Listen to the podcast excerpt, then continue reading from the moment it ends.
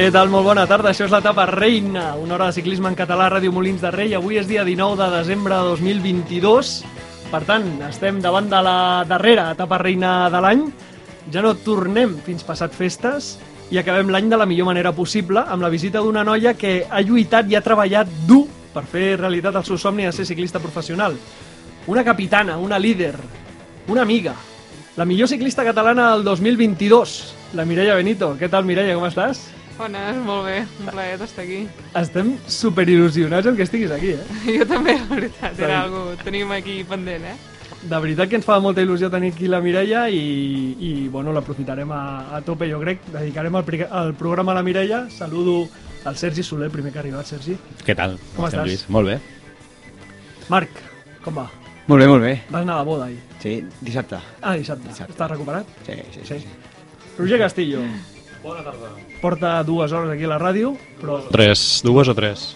Eh, I el Josep Montano, l'home que susurra les palanques. L'home que xiu-xiueja. L'altre dia em van corregir. L'home que xiu-xiueja les palanques. Passat vuit anys. Vuit anys.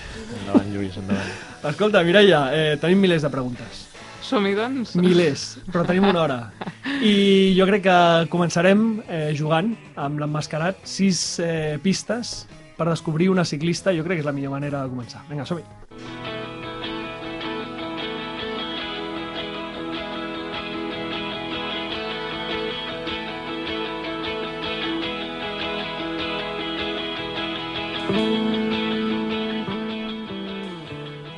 Què, anem directe, Sergi, o no? Anem directe o, o, o fem el de la setmana passada? Resolem el de la setmana Va, passada. resol. Sí? Resol ràpid, Vale. sí. Andrés Camilo Ardila. Andrés Camilo Ardila, eh? resolt ràpid, ja. U-A-E. Sí, sí, sí. Vam, vam, us vam presentar aquest ciclista i, i bé, doncs eh, no era tan fàcil com, com altres vegades, però bueno, sí que doncs, hi havia algunes pistes que eren bastant, bastant clares com que va guanyar la general del, del Giro Classicístico de, del Giro Ciclístico d'Itàlia del 19, vale? per tant, eh, colombià, de l'UAE, i que ha, ha fitxat per un Pro Tour aquest any. Vale? Avui és un tio o una tia? Avui tenim una emmascarada. Pues vinga, som-hi amb les pistes. Pista 1. Va debutar l'any 2020. Pista 2. De nacionalitat canadenca. Pista 3. El primer equip professional seria el Macogep Tornatec Girondins de Bordeus, que és de Canadà, però tot i que sigui Girondins de Bordeus. Sí. Pista 4. És una especialista, podríem dir que és escaladora, però també és una ciclista molt completa, molt, molt, molt bona gregària, per exemple. Pista 5. La última victòria important, professional, ha sigut el Gran Premi de Ciutat d'Eibar d'aquest any. I pista 6. El 2023 farà el salt a World Tour juntament amb moltes companyes de les que ha tingut aquest any, 2022.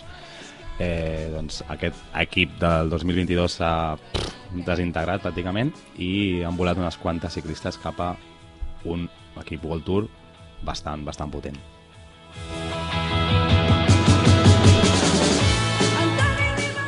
Doncs no sé si teniu alguna ciclista en, al cap.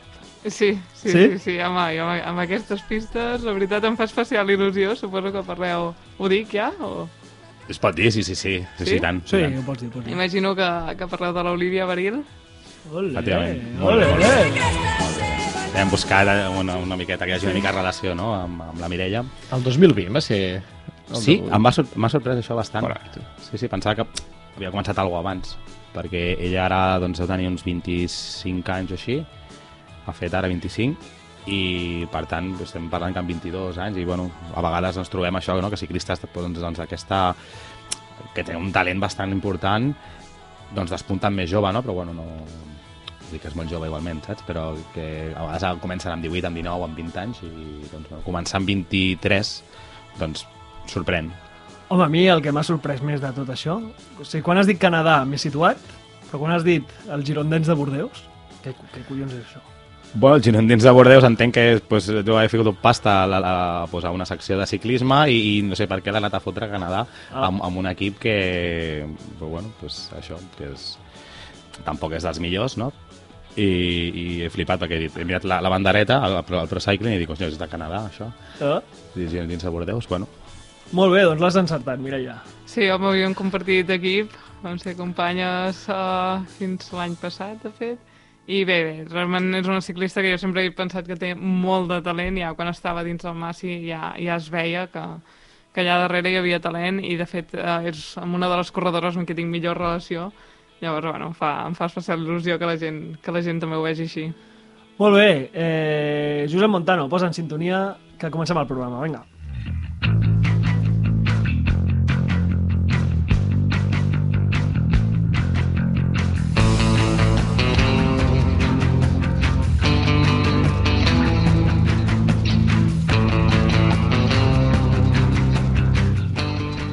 Primera vegada a Molins, Mireia, o no? Sí, sí, Sí? sí. Com pot ser? Tothom és la primera de Roger, no, no t'escandalitzes? Uh, és lamentable. és que la... I has Buscava- passat en bici, has passat com a mínim? Uh, sí, de fet la revolta passa per aquí davant. Sí, és veritat. Et vam, bueno, et vam cridar. No sé, tu ens escoltes? Ah, Escoltes la gent quan et crida? Depèn. Si és en, en un port, per exemple, quan la velocitat és baixa, sí, i Poder depèn sí. també, evidentment, si tens el director cridant-te com un boig a, a l'orella. Ja. Això també és important. De, de, bueno, fa la diferència. Bueno, jo recordo de cridar com a bojos, eh, a, a més amb els crius. Estàvem, ens, És vam veritat, trobar, és ens veritat. vam trobar amb el Roger i anàvem amb els nens, jo anava amb uns pollastres a l'as, passa la revolta! I fica't aquí, la- passa la Mireia, crida, Mireia, Mireia! El millor no eres ni tu. Ja, pues, ja No, que sí, que és un dia que estava sí. al davant, era Sí, sí, fàcil. era un dia que estava al davant amb un altre ciclista del Massi, no recordo quin era. Uh, de, a primer de tot hi havia la Clara Koppenburg, Sí. la corredora del Cofidis, Sí. i després passava jo, i just per darrere meu hi havia amb una petita grupeta una altra de les companyes, que és la que acaba fent tercera. Tercera, és veritat, és veritat. Sí, sí. Eh, de Llorenç del Penedès, eh? Sí. Què, què, què hi ha a Llorenç del Penedès que... Molt de vi, no? Ah, sí, sí, sí, evidentment tenim molt de vi a tota la zona del Penedès i es sap que és uh, paradisíac en aquest sentit. I bé, molt bones carreteres també tenim. Per entrenar. Sí, sí, sí, i ara estan posant també mm, cafeteries així de Ah, sí? d'especialitats i sí, ja, ja, i cada vegada sembla més a Girona, No això, pot eh? ser. Ah, sí. Bueno, és que és una zona que seria molt bona per entrenar, no? Sí, realment uh, molts pocs semàfors, és a dir, pots uh, fer totes les sortides pràcticament uh, sense haver ni de parar. I està ben ubicat perquè tens com les dues zones, tens la part més de muntanya, tens la part de costa, així que no, no ens podem queixar. Eh, el cafè és una cosa que... mm, Per ser ciclista de- t'ha d'agradar el cafè?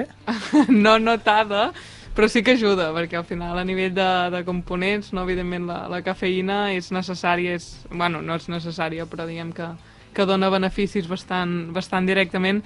Llavors, bueno, dins de totes les maneres de prendre cafeïna o estimuladors d'aquest tipus, jo crec que el cafè és, sens dubte, de les millors Tu opcions. estàs superposada. Jo cada vegada més i, i ara tot just fa una setmana m'he comprat una cafetera i, i, i ja hi som, eh? Ara ja l'hem liat. I que, que una recomanació de cafè, jo que sé, tu a vegades veig que fica Kènia, Colòmbia, tal, tu què? Uh, sí, bueno, jo de fet uh, col·laboro amb la marca Mahogany, que és, Vale. una, és, és el cafè d'especialitat de Cafès Cornellà, La millor. I boníssima, sí, sí, sens dubte, sens dubte la millor, i, i llavors si parlem de, de localitzacions, diguem, de, de zones, uh, jo el cafè d'Etiopia és, és dels Etiòpia. Que... Sí, Molt bé, molt bé. I la marca es diu, m'has dit? Mahogany, Mahogany. I això és eh, cafè sense moldre. exacte. Això és per, per sibarites. És, és ja per la gent que Vale. té temps. Vale. Eh, vius a Llorenç o vius a Girona? Ara mateix estic una mica entre els dos llocs. Em vaig movent amunt i avall perquè ara tot just tenim la, la família mig reunida aquí al Penedès perquè Mm. mm. mon germà viu a Suïssa des de ja fa sis anys i ara tot just aquests dies ha baixat i dic, bueno, ara no, no aniré jo cap a Girona ara que, que podem estar tots aquí. Llavors, bueno, em vaig, em vaig movent, però normalment durant l'any sí que estic bastant estable a Girona. Escolta, eh, hem anat una mica a sac i no hem presentat la Mireia, jo crec que no mere... o sigui, no cal presentar-la perquè hi ha molts dels que eh, ens escolteu la coneixeu, però vaja, per si hi ha algun despistat, la Mireia va començar fa relativament poc amb això del ciclisme, venia del bàsquet, va començar amb el KTM, després vas anar per al Massi, si no m'equivoco, i després ara aquest any es fitxa per un equip professional belga eh, que pinta molt bé la cosa. Sí, sí, sí, la veritat és que aquest any ha sigut, uh, ben, una sorpresa, podríem dir, una sorpresa molt buscada, però tot i així sempre una sorpresa, i, i pinta molt, molt bé, la veritat és que sí. Una sorpresa, eh, dius? O sigui, tu l'any passat, jo crec que més o menys a aquestes alçades d'any o a principi de temporada ens vas dir eh, porto uns anys que tinc mala sort amb la, pre, eh, amb la pretemporada, que tinc lesions o, o, o el Covid o històries. Espero aquest any que, que fer-ho molt bé i que, i que aquest any ha de ser l'any clau per decidir si el meu futur és el ciclisme professional o, o una altra història. Sí, al final jo crec que s'ha de ser més o menys conscient, no?, de dir sí que està molt bé perseguir els somnis i, i posar-hi tot l'esforç, però ha d'haver-hi un punt en què diguis vale, fins aquí arribem, perquè al final quan poses tant...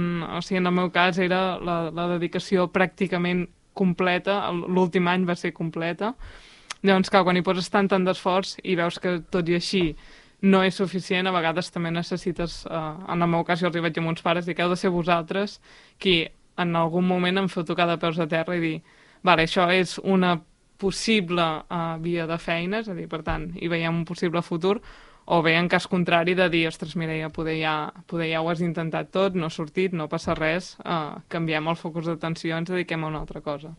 Llavors, bueno, en aquest cas sí que era, aquest any era clau, vaig fer l'aposta aquesta, vaig fer com l'acord amb els meus pares a dir, vale, em, em doneu suport econòmic eh, durant aquest temps i jo us prometo que si, si seré la primera en ser conscient de tot això. Llavors, bueno, era l'any d'aposta. És que eh, és molt complicat fer...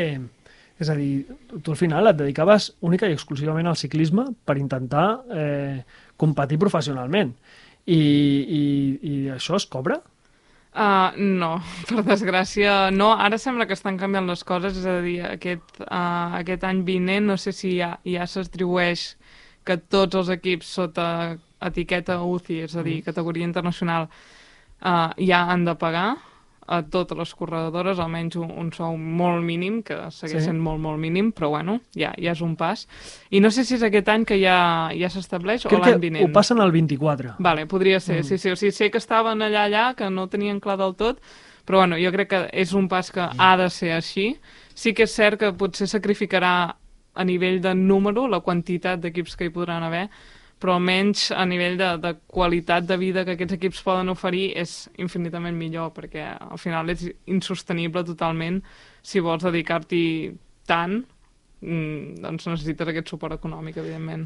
En, en relació a això, com a mínim a, l'estat espanyol, que és on, on s'ha fet pública aquesta norma no, que de, de la federació, crec que no hi ha cap encara presentació pública de cap equip UCI, però sí que hi ha hagut certs moviments, no?, aquest mercat que fan anticipar o fan preveure que algunes estructures sembla que fan una passa endavant, clarament, i altres, doncs, o la faran l'any que ve o s'estan preparant encara, però sí que sembla que, que algun equip que, que fins ara era semiprofessional o no professional, l'any que ve serà professional també. No vull dir noms perquè no s'ha fet oficial i tampoc jo puc tenir idees, però, però bueno, ja s'han vist una mica per on van els trets. Qui té diners per, per pagar, i sembla que per fer un bon equip, és l'AG Insurance, que és l'equip on vas, un equip belga, Sí, que té alguna, alguna cosa a veure amb el Quick Step? Sí, de fet es pot considerar que és el mateix equip, és a dir, compartim infraestructura, compartim material, compartim pràcticament eh, tot. I llavors, eh, en el cas de, del femení, de la vessant femenina, tenim un altre, un altre sponsor, que és eh, l'Age Insurance, llavors és el que portarà la primera part del nom, i llavors l'equip es diu Age Insurance Sudal Quick Step, per tant tenim com Ostres. un nom llarguíssim, uh, però bueno, sí. Eh, Sudal. abans era Li direm AG l'equip de, la, de la Mireia. Sí. Ja està. El Mireia Team. El Mireia Team. Eh, perquè abans era AG Insurance, NXTG, això ja no... Sí, el Next Generation era com un altre sponsor adherit a, a Age Insurance i aquest any realment Age Insurance ha apostat molt fort, està posant molts, molts calés. Llavors, bueno, uh, realment és, és qui tindrà més importància dins de, de l'equip. Eh, vens, de, vens de conèixer les companyes, suposo, i de conèixer l'equip i tot? Que, com ha anat tot? Ah, molt bé, molt, molt bé, sorprenentment bé. És a dir, jo sempre els començaments uh, em costen, en, en tot, o sigui, en el general de la meva vida, sempre els inicis uh, se m'han fet una mica complicats, i per primera vegada uh, realment ha sigut un inici super dolç, super plàcid, tant a nivell de companyes com a nivell de general de l'equip, tant com l'estaff com tot plegat, uh, realment ho hem fet molt, molt fluid, molt còmode, i sobretot per les corredores que venim de fora, no? perquè al final nosaltres tenim la tendència, bueno, nosaltres tothom, jo crec que al final si tens una companya d'equip que parla el teu idioma, tens més tendència, en, en aquest cas, a, a parlar neerlandès que per la resta de, de corredores que no són neerlandeses és un idioma que no pots entendre absolutament res. Correcte. Llavors, clar, mm, et trobaries en una situació una mica de dir no puc entrar gaire en les converses així, i en canvi el que m'he trobat és que sempre que hi ha la presència d'una corredora no neerlandesa es canvia automàticament a l'anglès. Llavors això fa mm, molt còmode l'entrada dins de l'equip i, i és una estructura completament horitzontal, és a dir, el primer que et diuen ja a l'entrar és uh, tu ets corredora, nosaltres som el teu director o qui sigui, uh, però estem exactament al mateix nivell, és a dir, tots treballem, per tant, uh, o sigui, demana'ns el que et faci falta, tracta'ns de tu a tu, perquè el que busquem és una, és una proximitat. Home, eh, la directora segueix sent la Jolien Dur? Uh, sí, està compartida entre la Jolín Dor i en, i en Chris, que és un altre noi que també uh, agafarà el comandament en alguna de les curses, però principalment serà la Jolín. déu nhi eh? Sí, sí, sí, sí, va molt bé, va molt bé tenir una, una corredora com ella i amb la seva mentalitat, perquè jo crec que és una corredora molt intel·ligent i ja es veia en la manera de, que tenia de competir, uh, però a més a més això, ja si ho poses l'experiència que ella té en un equip amb aquesta infraestructura i amb les corredores que som, jo crec que realment hi haurà molt bona entesa. L'equip com és... Eh... És a dir, si, si t'imagines el Quick Step en femení, t'imagines un equip eh, destinat més a les clàssiques. No? Tot i que el Quick Step també té eh, lloc a les voltes per etapes i fins i tot eh, n'ha lluitat alguna. I n'ha guanyat alguna. I n'ha guanyat alguna. Ah, Té Remco ara, bueno, sí. clar, té Rem, perquè té Renko ara, però abans tenia l'Enric Mas també, que va lluitar a la Volta a Espanya i tal. Però sobretot a Quick Step el tenim a l'imaginari com un equip de clàssiques. Eh, anirà per aquí el, els tiros? Um, sí, no, és a dir, han agafat i han fet dos equips dins del mateix equip, l'equip de classicòmones i llavors l'equip més que seria de, de voltes i més considerades escaladores. Llavors això tenen bastant diferenciat, sí que donen molt de pes a les clàssiques perquè evidentment al ser això un equip belga doncs uh, és, és la meca, no? Al final les clàssiques belgues sobretot. I llavors sí que és veritat que el fet de tenir l'Ashley Mullman Uh, clar, potencia molt més també la part de, de voltes per etapes i, i coses d'aquestes i llavors per això han creat com aquests dos equips dins del mateix dins de la mateixa infraestructura La Júlia Borgstrom on està? la Júlia on està d'on? De- D'aquests equips. D'aquests- d'aquests dos? On la situen? Uh, més a la part escaladora A part escaladora. Mal. Sí. Dubte que tenia ara. Tu també, no? Estàs en aquest. jo també estic en aquesta Això ho part donava per fet, ja. eh? Ja, ja, ja. aquest, aquest eh, diguéssim, a la part escaladora liderat per l'Ashley Mullman i, i ja us han deixat entreveure objectius de temporada per, per, sí. per, per, la vostra, diguéssim, per les escaladores? Sí, sí, sí, de fet ja tenim el calendari fins a dates de la Vuelta i el tenim pràcticament tancat, és a dir... Això és el maig, no? Sí, sí, sí, sí, tenim fins a principis mitjans de maig ja, ja, que to- ja sabem què correrem exactament. Sempre hi poden haver modificacions, per tant, tot el que es digui doncs, eh, es pot agafar una mica entre cometes, perquè mai se sap, no? sempre poden haver lesions o, o històries pel mig. Però sí que hi ha, hi ha objectius importants, l'Ashley té moltes ganes de d'acabar la seva, la seva etapa doncs, per tot lo alto, així que tocarà currar. Eh, aquests objectius, hòstia, és que ara... Saps què passa quan et venen 15 preguntes al cap i l'embut no surt? Eh, eh, bueno, doncs això, sobre, sobre el...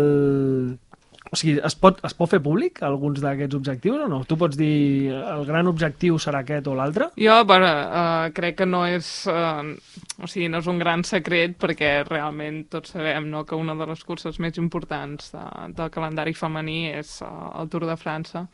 Llavors és un dels objectius de l'equip, sobretot. Uh, jo, de moment, uh, no tinc clar que, que hi pugui anar o no. De moment, ara, a dia d'avui estic fora de la, de la selecció del Tour, però tot i així, eh, bueno, és, és, com hem dit, canviant, llavors hi ha la possibilitat, llavors ja depèn més de, de les curses que faci abans en funció de com vagi, en funció de... Sobretot el que miren és l'equip, no? qui pot eh, donar més ajut i qui menys, i llavors en funció d'això doncs, acabaran de perfilar eh, l'equip del Tour però Tin- és un dels objectius. Tindran present la, la, la part, diguéssim, d'estat espanyol? És a dir, aquest calendari de mes de maig que va tot seguit pràcticament aquest any de curses importants del calendari femení que més o menys han anat a parar al mateix lloc, com el canvi de dates de la Vuelta. Tu l'any passat, en certes curses d'aquestes, ostres, ho vas fer de conya i de fet segurament d'aquí també es fixen en tu i d'aquí surt aquesta oportunitat. No sé si això eh, t'obren la porta en ser una corredora d'aquí, eh, que també comptin amb aquest calendari concret, diguéssim. Sí, uh, jo de fet és una de les coses que vam parlar uh, amb la Jolín, justament ens preguntava a cada corredora quines curses teníem nosaltres en ment uh, fer, llavors dins d'aquest uh, wishlist, per dir-ho així, de la llista aquesta de preferències, compaginaven una mica tot i feien quadrar-ho al màxim curs de tothom.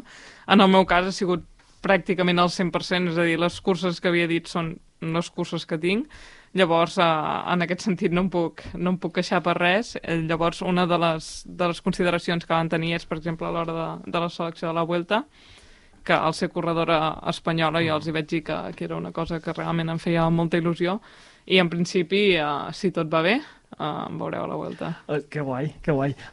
M'ha interessat això molt del wishlist. Això, o sigui, tu arribes allà, et donen una llista... Com carta per als Reis, Sí, ara que estem fent això. una carta als Reis i tu dius, hòstia, doncs del calendari a mi em fa molta il·lusió això, això i això. Sí, sí, sí, jo de fet era l'últim que m'esperava trobar-me, eh, o sigui, que em preguntessin a mi què és el que volia córrer, perquè al final jo vaig purament a treballar, sigui sota el concepte que sigui, i clar, al principi em van dir, no, no, quines curses vols fer? Dic, no sé, no, la veritat és que és una pregunta que no m'havia ni plantejat perquè jo pensava, no, no, tocarà córrer això, això i això, Eh. punto final. I clar, de, de fet és una de les coses que, que realment vaig haver-me de, de plantejar, no? De, ostres, què m'agradaria a mi córrer?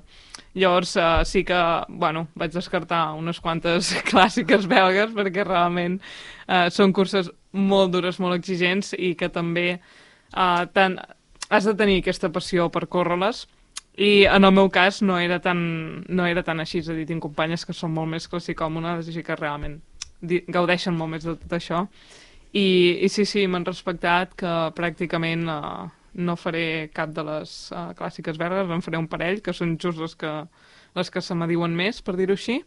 I, I sí, sí, tenen molt en compte uh, la motivació de cada corredora a l'hora d'afrontar cada cursa. Que guai això, no? Quan, quan dius vas a treballar 100%, jo- clar que la Vuelta o a la Itzulia o alguna acció més important potser sí que, clar, pues ha de guanyar amb la Ashley, el que sigui, però potser amb alguna clàssica menor o una volta menor tindràs opcions de d'escapar-te, de lluitar amb de, de muntanya, de perquè no guanyar una etapa. Sí. ha parlat, això també. Sí, sí, sí, amb això realment eh, l'altre dia ara aquí a la concentració ho vam acabar de parlar una mica més i acabar d'enfocar perquè jo pensava que, que això, que em limitarien molt en aquest sentit de dir no, no, tu vens aquí a treballar, punto final. I sorpresa va ser que, que em van dir no, no, realment sí que volem que treballis, però evidentment no som un equip que haguem d'agafar moltes responsabilitats, per tant el concepte de treballar és una mica diferent en el nostre cas i, i em van dir que en el meu cas que el que volien era que seguís una mica amb la línia que portava fins ara, és a dir, fugues i, i buscar una mica aquests uh, segons premis diguem, i estar sempre per davant, és a dir, la meva ajuda serà sobretot quan jo pugui estar ja per davant i llavors poder ajudar a les parts finals amb, amb l'Aixi, per exemple, o, o el que pugui ser. Llavors sí que la idea serà seguir buscant fugues i ser corredora d'atac. La, la revolta passa per, pels dos plans? La revolta queda just en unes dates una mica complicades, perquè queda molt, molt junta a la Vuelta. Llavors, eh, és difícil. Ho hem estat parlant eh, i els hi vaig passar la proposta amb, a l'equip. Si no era per l'equip èlit, potser per l'equip sub-23 o fins i tot pel de desenvolupament. Llavors ha quedat així una mica en, un, en una zona complicada, perquè hi ha una part de l'equip que estarà corrent a Bèlgica i l'altra part de l'equip s'estarà ja preparant molt per la Vuelta i en principi no volen córrer el risc de que pugui passar alguna cosa llavors perdre efectius a, a la revolta. Però bueno, vull pensar que, que bueno, en, en algun any que pugui quedar així una mica més separat i que sigui més compaginable sí que m'han dit que els hi faria il·lusió.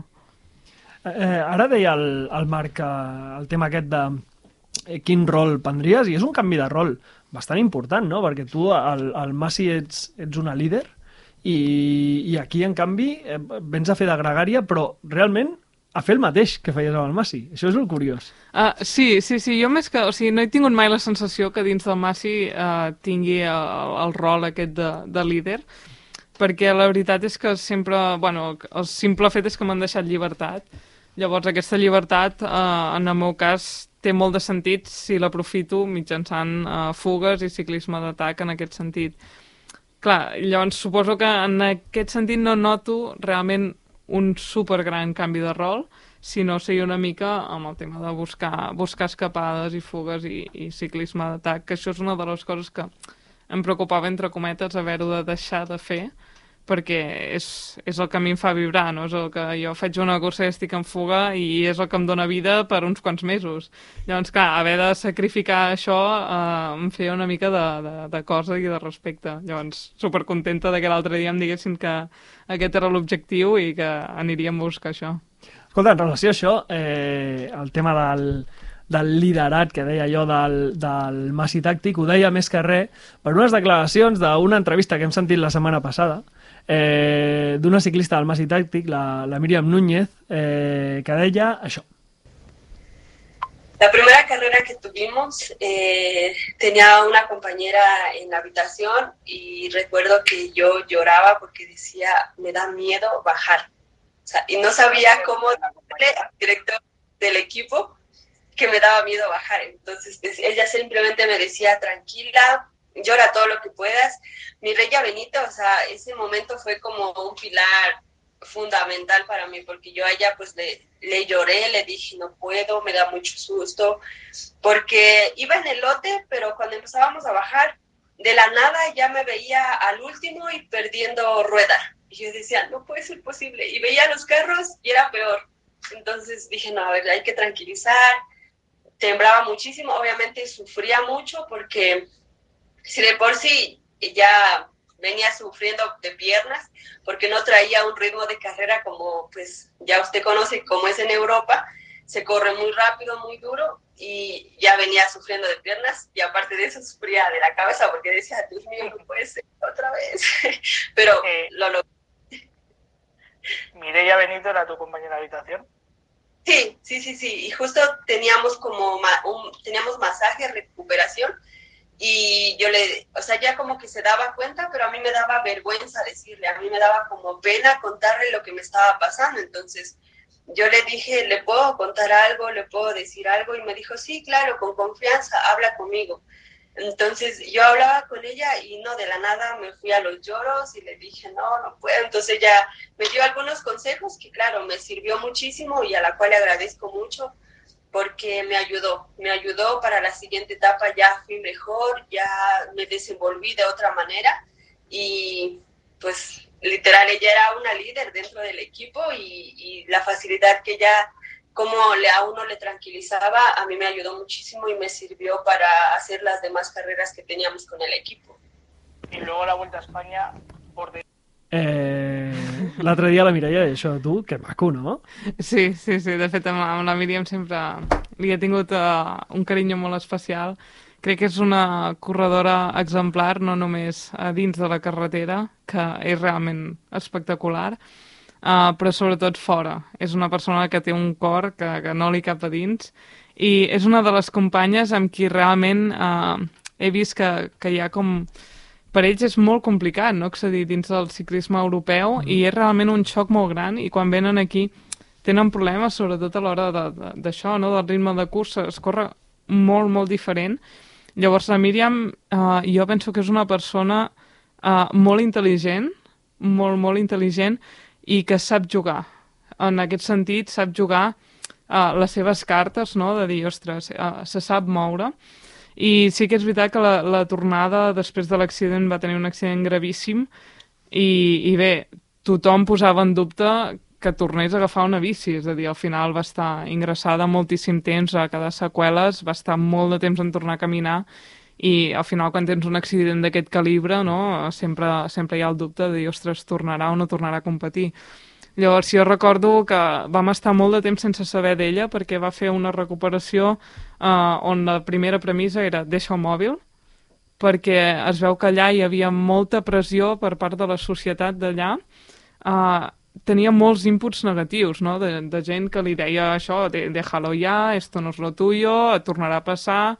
És a dir, comentaris molt, molt negatius per part de la gent, que és una cosa que a mi em va sorprendre, no? Realment, ostres, acabes de tenir un accident i el primer que et diuen és, no, no, esto te va a volver a ocurrir, uh, no vuelvas a tocar la bicicleta, uh, esto es una senyal de Dios, que a més a més ella és molt, molt religiosa i, i hi han coses que realment jo crec que anaven amb, amb pura maldat, no? Llavors, uh, el poder tornar a contactar amb ella ja realment van tenir ja un vincle especial des, de, des del primer moment i me'n recordo el primer dia que, que va tornar cap aquí, el primer entrenament, que estàvem plorant tots com madalenes, no?, de tornar-la a tenir aquí, de, de que hagués pogut arribar-se a recuperar d'aquella manera i que pogués tornar a estar sobre una bicicleta. I clar, la primera cursa que va fer, diguem que mm, ningú parlava del tema. No era un tema com que estava allà, tothom ho sabia del que venia, tothom sabíem que era la primera competició, però ningú s'acostava a preguntar-li, ei, estàs bé? Estàs preparada per fer aquest pas? O necessites algun tipus de, de, de suport, col·laboració, sigui el que sigui? I, i clar, al principi jo també em vaig mantenir una mica així de, no, de a veure què, mm. perquè a vegades eh, potser és millor no recordar el tema no? i dir a veure, a veure com, com li surt també ell el tornar a competir però sí que és veritat que quan vam arribar a l'hotel ja vaig veure que estava sensible en aquest sentit, perquè no havia pogut estar tot l'endavant que ella volia, però clar, estem parlant d'estar endavant en una cursa, em sembla que era una, una punt 2, és a dir, una cursa internacional, i, i que realment hi havia estat molt endavant, que a mi em va sorprendre molt de dir com pot ser que després de tant de temps sense haver, sense haver tocat la bici, que has entrenat 3-4 setmanes, si arribava, has competit res, i vens aquí i corres, acabes la cursa, vale, no estàs acabant davant, que és, que, és on, on segurament podries estar. Però, tio, que tot això és increïble, no?, tot el que estàs fent. I clar, ella, en canvi, ho, ho veia com eh, on era jo i on sóc ara. I que jo veia on havia estat després de l'accident i tot el que havia assolit. I jo li vaig dir, però però tu te n'adones del mèrit que té. Primera, està sobre una bicicleta, segona, està fent el que tu estàs fent, tercera, de gestionar tot el que has hagut de gestionar, ja no només del teu país, sinó del teu país, venir aquí, viatjar, estar sola, estar en un pis tu sola aquí a Palamós, dic, és que ja, o sigui, mentalment, dic, ets una de les persones més fortes del pilot, sens dubte. Ja només pel que has hagut de viure, clar, la resta de persones ho tenim molt més fàcil aquí, en tots els sentits, en els metges, en, en tot Llavors, clar, en aquest moment va ser quan ella ja es va acabar d'obrir de dir és que no puc més, és que tinc molta ansietat, tinc molta pressió d'estar dins del pilot una altra vegada i, i llavors, bueno, vam fer així com un petit pacte, que és el que ella explica de, de los consejos, no? Jo li vaig dir, dic, agafa una persona de referència i, i segueix-la, perquè al final, o sigui, el pilot agòbia molt si te'l mires en global, mm -hmm. perquè veus gent que tens per tot arreu, que tothom se, se t'apropa, tothom vol agafar la línia que tu estàs agafant, però en canvi si tot això ho redueixes, no? si mentalment dius no, jo només estic seguint a una persona i és la que tinc davant, es redueix molt la sensació aquesta d'ansietat, de, de, d'estic rodejada de persona, sinó que només segueixo una roda. Llavors, en aquest sentit, li vaig dir, dic, si jo estic a prop, dic, crida'm, crida'm pel pinganillo, crida'm per veu, crida'm com sigui, i jo vinc amb tu i baixem juntes, perquè sobretot el problema era amb la velocitat, les baixades i el fet de traçar amb tot un pilot al voltant. I, i sí, sí, va ser increïble, increïble, que d'un dia per l'altre ja tornava a estar allà davant i recordo que la segona etapa, és a dir, la primera havia sigut aquesta com més traumàtica per ella, diem, i la segona uh, va agafar fuga. Saps que dius? Ostres, quin, mentalment, quina potència has de tenir per poder gestionar coses tan grans en tan poc temps. I llavors, a partir d'allà, bueno, ja, ja veníem de tenir un vincle molt especial, però a partir d'allà, doncs, també, evidentment, ja, sí, tenim, tenim molt, molt d'amor. Que guai, que guai. La Míriam una tia molt forta, però la Mireia una tia eh, capaç de recuperar una noia de cop i volta, no? No, i de fer un acompanyament sí. guai, sí que això s'agraeix sí, sí. molt. Bueno, sí, i sí. també si ella s'ofereix al final, és a dir, per poder ajudar amb algú, aquest algú també s'ha de deixar ajudar. Mm. Llavors, això va ser com bidireccional i jo no sentia en cap moment que estigués fent res de l'altre món. De fet, pensava, quina merda de consell, no? Agafa i segueix amb una tia, bueno, vale. Uh, però no, no, clar, que amb ella li hagués ajudat, realment quan vaig sentir l'entrevista aquesta de la ràdio em va emocionar, no?, el fet de, de que una cosa que en aquell moment semblava tan simple i tan, tan cutre, doncs que pogués realment uh, ajudar-la tant amb ella a l'hora de gestionar-ho mentalment. Doncs uh, després d'aquesta història bèstia, perquè aquesta és d'aquelles que marca mm. les vides de les persones, no només el ciclisme, no només l'esport, anem a una cosa completament intrascendent. Eh? O sigui, anem a baixar el ritme, anem a, anem a, anem a baixar un picat i a fer una cosa més uh, d'estar per casa. La primera, la primera, volem primer la primera.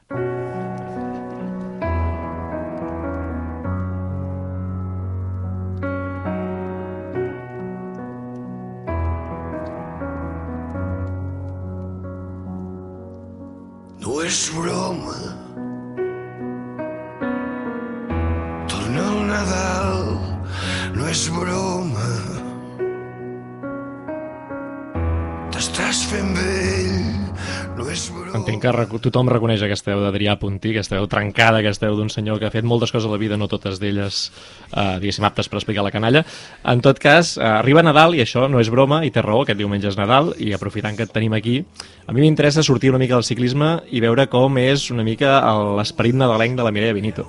Llavors, hi ha dos blocs. El primer passa pel poble, perquè tothom per Nadal torna a casa. Tu acabes d'explicar que tens el germà que ara torna de Suïssa, per tant, Llorenç del Penedès. Llorenç del Penedès, per qui no ho sàpiga, és el poble germà de Molins, perquè nosaltres tenim el Papiol, ells tenen el Papiolet. Eh? Són, són coses que estan un al costat de l'altre.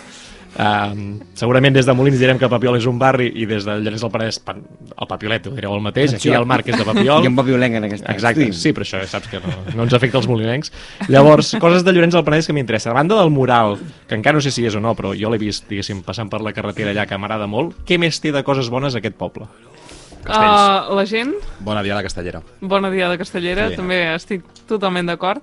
A nivell cultural jo crec que és un, un poble superpotent, sempre s'estan fent uh, moltes coses i es cuida molt uh, el folklore, que jo crec que és una cosa que abans havia estat invol- involucrada, ara no, per, per motius obvis, no? perquè no, no hi ha temps. Uh, però crec que cuiden molt, molt, molt tot el tema de la tradició catalana, folklore, i és una cosa a la qual dono molt de valor.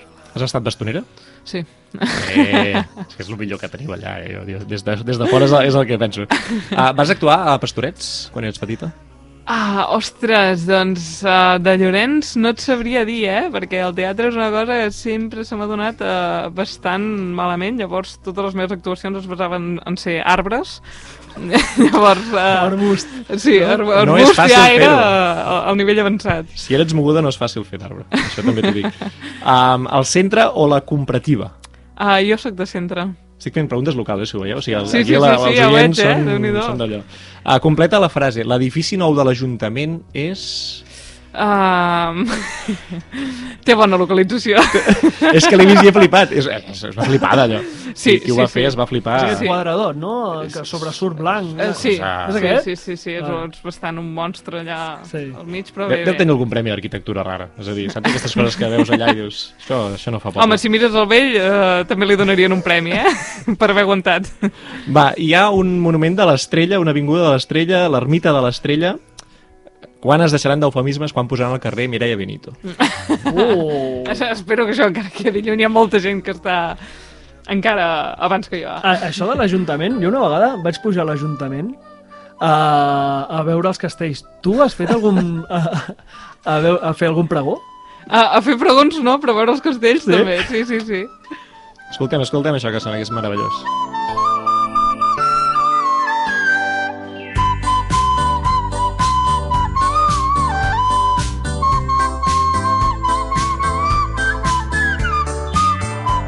Això és el Jingle Bells, tothom, tothom coneix aquesta cançó, una cançó que forma part d'un repertori que es diu El Mal Nadal, que són Nadales mal tocades amb la flauta. Val? Us ho recomano, que us les poseu totes. Hi ha el 25 de desembre Fum Fum Fum, hi ha el Noi de la Mare...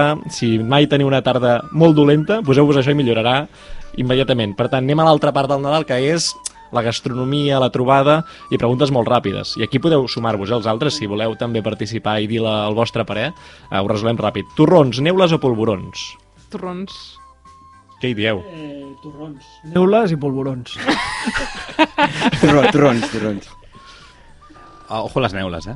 Ojo a les neules, eh? Perquè són neules amb Sucades sucre. amb cava. Amb cava, ara ho has dit. diu, bon A veure, Nadala preferida. Sempre hi ha una. Mm, Ostres. Amb quina t'arranques, tu? Sí, no sé si un vídeo em costa eh, arrencar-me. Los peces en el río. Los peces en el río. A veure, hi ha l'estil de les 12 van tocant de gent una mica deprimint, que sigui el meu cas, i després hi ha la gent de los peces en el río, és a dir, Sí. coses animades. On et situes una mica al mig? Jo sí, estaria bastant al mig, eh? Depèn, de, depèn del mood. A veure, el tio a casa vostra amb quina cançó la feu? Perquè Um, això genera divisions a tot el país. Sí. Uh, nosaltres el cagatió, típic i tòpic. La curta, diguéssim? Sí, sí, Caga, sí, tio, sí. ballant, sí. aquesta, eh? O sigui, pam, pam. Pam, pam. Dic perquè a casa meva és llarguíssima, és una cosa... Un dia us, un dia us la Jo, cantem. jo recordo que el primer cop que vaig descobrir que no tothom cantava aquesta cançó, em vaig indignar perquè és un què feu cantant una cançó que no és Avellanes i Torró? Bueno, jo em vaig indignar quan la gent no cantava una cançó que dura vers- 3 minuts Uns versos estranyíssims. i fa una cosa ràpida. Però sí, sí, la meva és, ja et dic. Amic invisible, sí o no? Uh, depèn del grup. O sigui, de vegades sí, eh? A, a nivell familiar no, però en grups amics sí. I vosaltres, per cert? Perquè mai hem fet un amic invisible, afortunadament, en aquest programa, i mai el farem, eh? Ja us avanço. Voleu fer-ne un? No, Vale. Més aviat en contra, eh? sempre, no? Sempre no, però més aviat en contra. Sempre, va. Uh, I acabo. Canelons de Sant Esteve, quants? Uh, uf, a, actualment zero. Ara m'ha sortit uh, al·lèrgia a l'ou. Oh, Llavors, a eh, l'ou? Sí, ara des de fa un parell de setmanes que, que m'ho han diagnosticat. Estava boja, feia molts mesos que, que arrossegava problemes i problemes. I, I després de treure pràcticament tot de la meva dieta, excepte els ous, vaig haver-me de fer una última prova on efectivament va sortir Els ous, eh? que era al·lèrgica. Doncs perdó per burxar en la, en la ferida recent. Ara sí, que està fent mal, serà el primer Nadal sense canelons, llavors eh, ja us explicaré a veure què tal ho porto. Els canons no es poden comptar, no? Bé, sempre hi ha... Es compten 3, es compten a 4... bandejes, ja. Clar, però després sempre s'acaben sumant canons allà, no? No sé, això depèn de cadascú. Bueno, Jo sóc una persona amb límits. Sentim la flauta? Sentim-la, sisplau, que és molt, molt, molt bonica, molt precisa.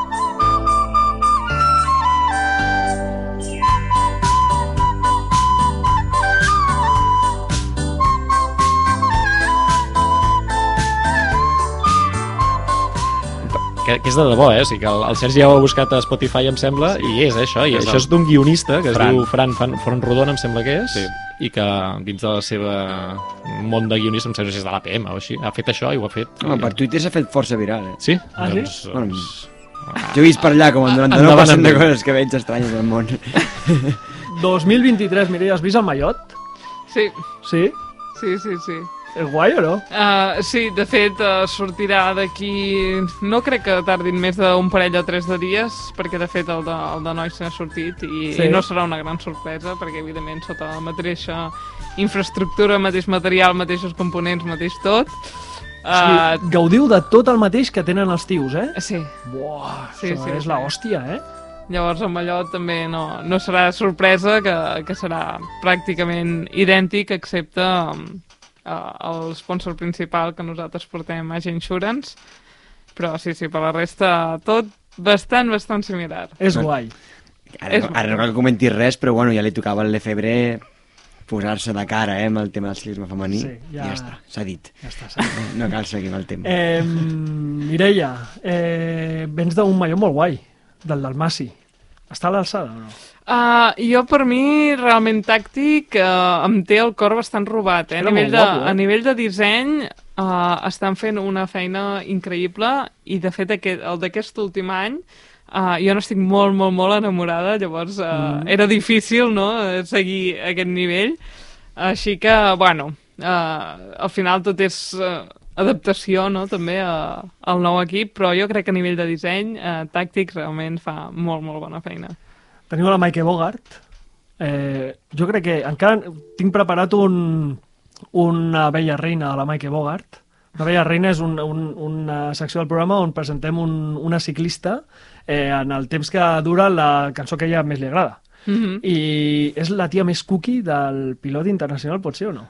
Uh, ostres, cookie, no sé si la No la definiria cookie? com a cookie, perquè realment és una tia de molta conya, Sí? és una tia molt extrovertida Sí?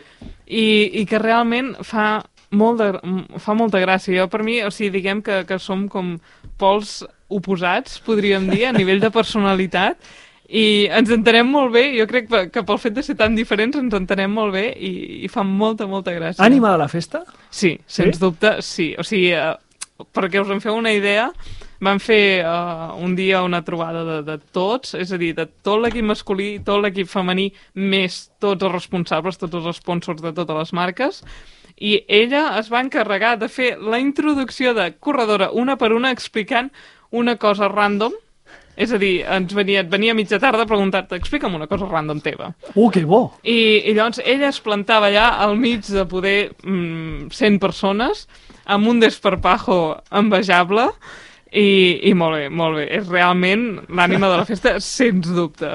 Hauràs de canviar la vella reina que tenies preparada. Sí, bueno, la... la... L'has d'adaptar, l'hauràs la d'adaptar, no, nova però informació. Ja està, ja està. Parla castellà? Uh, entén alguna cosa? De fet, la seva frase estrella és ¿Dónde están los chicos guapos? que, que és una cosa que a mi em va fer, em va fer molta gràcia, és molt, eh, fa molt per ella, fa molt per és el que ella. deus aprendre quan vas a Mallorca amb 18 o 20 anys amb, amb la universitat, no? Però, que... però pot ser una frase de despreci... Ah, Eh, Sí, de, de, depèn de què ho preguntis, Claro. claro. si, si vens aquí i ho preguntes, dius, ostres, Claro. no en tens prou? Sí, amb l'equip, no? Amb, amb, amb la presència del Sí, Quick sí, Step. sí, eh, ¿Dónde están los chicos guapos? Ahí, no? eh, hosti, explica'ns coses del Quick Step masculí. Eh, jo què sé, a vegades veiem el Renko Benepool, eh, tio, és un sobrat. És un sobrat? Uh, no, almenys no dona aquesta sensació quan el tens així més, uh, més proper. És a dir, uh, jo em, vas, o sigui, em vaig sorprendre de veure lo pròxims que eren en general tots i que realment uh, els hi fa il·lusió també tenir una part femenina, no? Evidentment amb els més joves els hi fa més il·lusió per proximitat, no? Per, perquè sempre fa gràcia no? tenir les dos vessants, però també amb els que porten més anys eh, vam veure que estaven molt interessats en involucrar-nos a tot. De fet, van fer un partit de, de l'estaf, és a dir, van llogar un camp de futbol Ah. i van fer un partit únicament d'estaf, de, en plan tots barrejats, i els nois ens van venir, ei, tal, que aquesta tarda hi ha partit, veniu, que estarem bé, tal, i va ser un espectacle uh, que jo no m'imaginava que això podia passar amb gent nòrdica, entre cometes, perquè realment vam arribar allà, havien preparat uh, samarretes per tot l'estaf, de dos colors diferents, un, unes vermelles, unes altres blaves, amb The Wolfpack a l'esquena, com o no, Uah. i, i llavors, bueno, doncs jugaven uh, un partit normal i corrent, i llavors teníem com a àrbitre Remco, i com Àrbitre a... Remco? Sí, sí, sí, l'àrbitre era que si, en Remco. si es fica a jugar a futbol potser s'acaba el partit Ah, amb bueno, 10 a 0, clar, eh? és que Sí. Renko... És- Renko era molt bo. Ve, exacte, sí, sí, ve del futbol. I llavors l'speaker era Fabio Jacobsen Mm? i era un pur espectacle, realment, sí, sí. En un moment van fer entrar els quatre corredors nous que tenen, que literalment només en tenen uh, quatre. Mm? Els van fer sortir a córrer pel camp de futbol amb, el, amb triquini. I, bueno, sí, sí, va ser, va ser tot bastant espectacular, eh? O sigui, estàvem intentant assimilar la situació perquè va ser heavy. Hòstia, que guai, no? Sí, No sembla que hi hagi d'haver aquest ambient a Quick Step. La, de, des de fora, sembla més seriós, no? sembla molt més seriós. jo, sí. jo esperava una cosa molt seriosa. De fet, jo, com que ja de per si soc, em considero prou seriosa, i ja vaig tenir una gran sorpresa quan a la primera concentració a l'octubre, que vam fer tres dies només de, de coneixença, uh, vam acabar fent karaokes i en barra lliure de birres, i això em va semblar una cosa bastant xocant, no? De dir, ostres, acabo de firmar per un equip professional i em porten aquí... Eh, eh, el primer que em diuen és què vull, si, si vodka o birra, i dius, bueno, mm, vale. I, i sí, sí, vam acabar fent uh, un karaoke on us podeu imaginar qui era la cantant principal, que era La Maike. la Maike, sens dubte. I, i sí, sí, no, realment uh, són... tenen molt de show a dins. Belgues, eh? Belgues, eh? I neerlandeses, vaja. Pf, què més, què més? Vull preguntar moltes coses. Eh, vol- vol- Voleu preguntar alguna cosa, no? Perquè estic aquí amb la metralleta jo. Ets el director, Lluís, està bé. Vale. Eh, amb qui et va tocar l'habitació? Uh, amb l'Ashley. Amb l'Ashley. Sí. Qui, qui et truca de l'equip per fitxar-te? Et truca l'Ashley o, qui, o... No, no, no, no. Uh, de fet, l'Ashley va fitxar més tard que, que Vale. jo, és a dir, jo quan vaig entrar a l'equip no- encara no se sabia, i se sentien rumors, uh, però encara no, no hi havia res confirmat, i uh, jo vaig estar parlant amb la Natasha, que és, uh, diguem que, els dos mànagers de, de l'equip són en Servas i la Natasha, que són parella, Vale. i llavors tenen quatre filles, una a cada equip, és a dir, una a l'equip èlit, una a l'equip eh, sub-23 i crec que no sé si és una o dos al sub-19. Sí? I llavors eh, doncs vaig parlar amb la Natasha i ja a la primera trobada que vam fer em va donar el seu vistiplau i em va dir, no, no, per nosaltres estàs in, així que quan ens donis tu uh, el teu vistiplau, doncs ja està. Fem... I, i t'havia trucat algú més? Uh, sí. Sí? sí, sí. Molts més? Uh, havíem estat així amb, amb cinc, uh, però conversa, és a dir, Amb cinc, eh? entrevistes ho ho volia Amb deixar cinc, tancat a dos. Mare de Déu. Ho volia deixar tancat a dos perquè al final, com més obres, més has de tancar després. Per tant, uh, volia de, dir que no només a un equip. És a dir, Carbasses només l'has dit a un equip, Sí, diguéssim. sí, sí, sí. Amb, amb la resta ja vam dir que ja teníem Hòstia, el però està contracte. molt bé, cinc equips, eh? Sí, sí, no, va ser realment, ja et dic, va ser uh, una grata sorpresa, perquè passar de, de no tenir equip, de no tenir sou, diguem, uh, a cinc Aquest- equips que m'oferien un sou molt digne, doncs va ser, va ser tot un show. M'ha vingut al cap així tres preguntes ràpides. Tens representant? Vull dir, algú que et mou tots aquests temes? Sí, sí, sí, sí. Uh, jo estic treballant des de ja fa un any i mig, podríem dir, uh, amb Sports Promotion, que és uh, un noi neerlandès, justament, que, que molt bé. Jo crec que és un dels millors uh, representants, sobretot de ciclisme femení, està única i exclusivament encarat al ciclisme femení, i, i és molt potent perquè no només mira qui uh, li donarà més diners, és a dir, no, no busca el contracte amb el salari més, més alt, sinó que et fa tota una entrevista abans eh, demanant mm, bueno, diverses preguntes no? de personalitat, de, amb què, et- com et sents més còmode treballant, i llavors amb tot això et fa fer de nou un wishlist, no? un, uh, un, una llista de prioritats de, dels equips on més t'agradaria anar, i a partir d'aquí comença ja a encarar ell de, bueno, les diferents reunions. Uh, Mireia, ha estat un luxe i un plaer tenir-te avui aquí a l'estudi Miquel Armengol de Ràdio Molins de Rei. Nosaltres ho hem de deixar aquí. El Josep ja dirà la sintonia de final de programa, això vol dir que la cosa s'acaba. El Lluís té aquí un petit, uh, no sé si present, 30 segons, Josep, tinc. 30 segons, perquè quan fas els anys tu? El 30 El 30 de què? de desembre. De desembre. O sigui Això que tenim caure, un 11 regal dies, per tu. 11 dies. Tu saps que aquí al Baix Llobregat hi ha una vella que es diu Mireia Benito? Ho sabies o no? Hi ha una vella, que és la vella reina d'un rusc, que es diu Mireia Benito. I ha fet aquest pot de mel per tu. Això és real i verídic, eh? Això és real i verídic. Això és, això és totalment cert. Eh, Merci, merci. Moltes gràcies per, per haver-nos acompanyat avui, Mireia. Ens ha fet molta il·lusió i podríem haver fet 5 o 6 hores més de programa, però el Josep Montano ens fa fora. I ens guardem temes per una propera ocasió. Molt bé, merci a vosaltres. Molta sort, que vagi molt bé. Merci. I bones festes a tothom, que vagi molt bé fins l'any que ve.